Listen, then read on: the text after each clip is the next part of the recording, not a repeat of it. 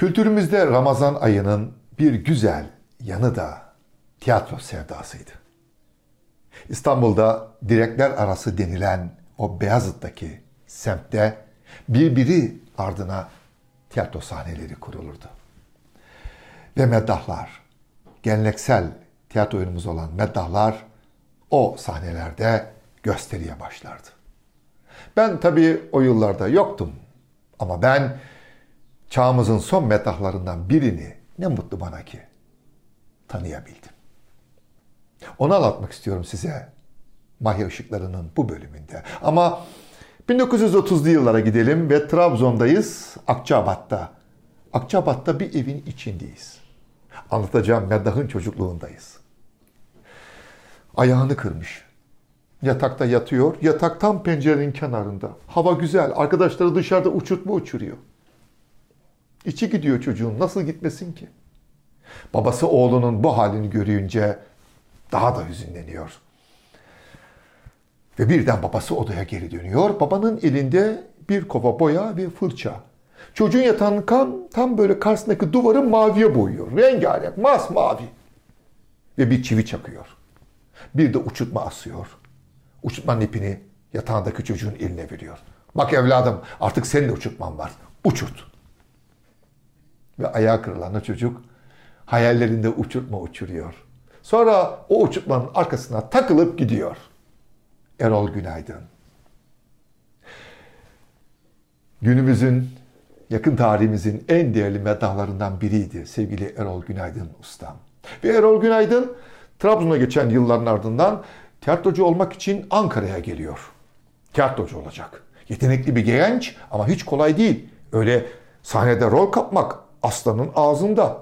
Tiyatrocu arkadaşlarıyla bağlantısı var. Devlet tiyatroları sınav açacak. Sınava girip tiyatrocu olacak.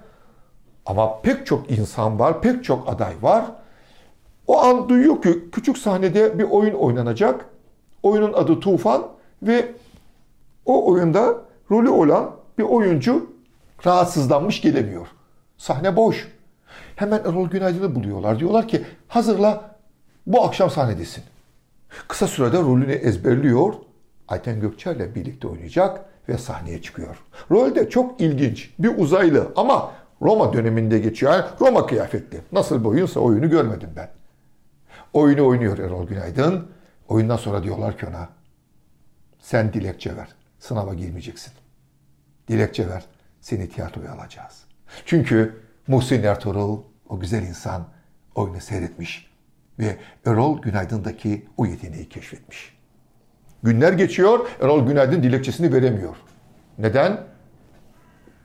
Pul parası yok. Dilekçe vermek için 15 liralık pul yapıştırması gerekiyor dilekçeye ve Erol Günaydın kaldığı otelin parasını veremiyor. Parası yok. Hadi artık diyorlar getir şu dilekçeyi. Yoksa seni alamayız. Ne yapsın? Sırtında paltosu. Paltosunu satmaya karar veriyor. Bit pazarına doğru yola çıkıyor.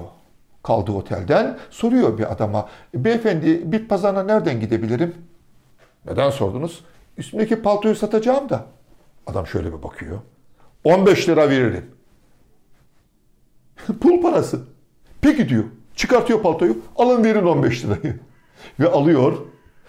Koşarak gidiyor. Dilekçe yetiştirecek. O sırada müthiş bir yağmur başlıyor. Demişti ki bana Erol Günaydın. Sunay sanki Ankara'nın bütün yağmurları durdu durdu durdu durdu. Benim paltomu satacağım o günü bekledi. Hepsi üstüme yağdı. Sırılsıklam. 15 lirayla pul parası alıyor. Islaklığına tutarak pulları dilekçeye yapıştırıyor ve tiyatroya öyle giriyor. Fakat kalacak yeri yok. Beni idare edin diyor. Ne olursunuz. Şu sahnenin arkasında kalayım. Dekorların yanında yatayım. Peki diyorlar. Hadi sen burada kal. Olmaz ama hadi kal. Ve her oyun sonrası herkes evine giderken o tiyatro sahnesinin arkasına çekiliyor. Orada yatıyor. Ve karnı aç. Oynadığı oyun gereği e, oyunun bir yerinde sahneye bir tepsi pilav geliyor. Her oyun sonrası dekorlarla birlikte o pilav arkaya kaldırılıyor. Ertesi gün oyun oynanacak. Pilav yok. Kim yedi bunu? Neyse hadi oyun başlayacak. Çabuk lokantadan pilav getirin. Pilav geliyor, tepsiye konuyor, oyun oynanıyor, kaldırılıyor. Ertesi gece yine pilav yok. Kim yiyor? Elbette ki Erol Günaydın. Aç. Bu duyuluyor. Birileri çok rahatsız oluyor. Dekor yiyor, aksesuar yiyor bu adam. Tiyatronun malını yiyor. Erol Günaydın korkuyor. Ya Muhsin Ertuğrul bunu duyarsa?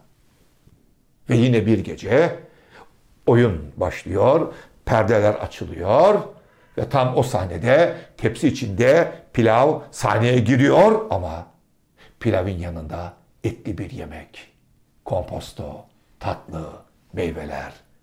Evet. Erol Günaydın'ın o hali Muhsin Ertuğrul'un kulağına gitmiş. Duymuş. Öyle mi demiş? Öyleyse sadece pilav değil, etli yemeklerle de donatın. İşte o güzel insanlar. Erol Günaydınlar, Muhsin Ertuğrul'lar. Ramazan ayında nice tiyatroyla hepimizin gönlünü kazandılar. Bugünlük de bu kadar. Yarın yeniden Mahya ışıklarında birlikte olalım. Sürçülisan ettiysek affola.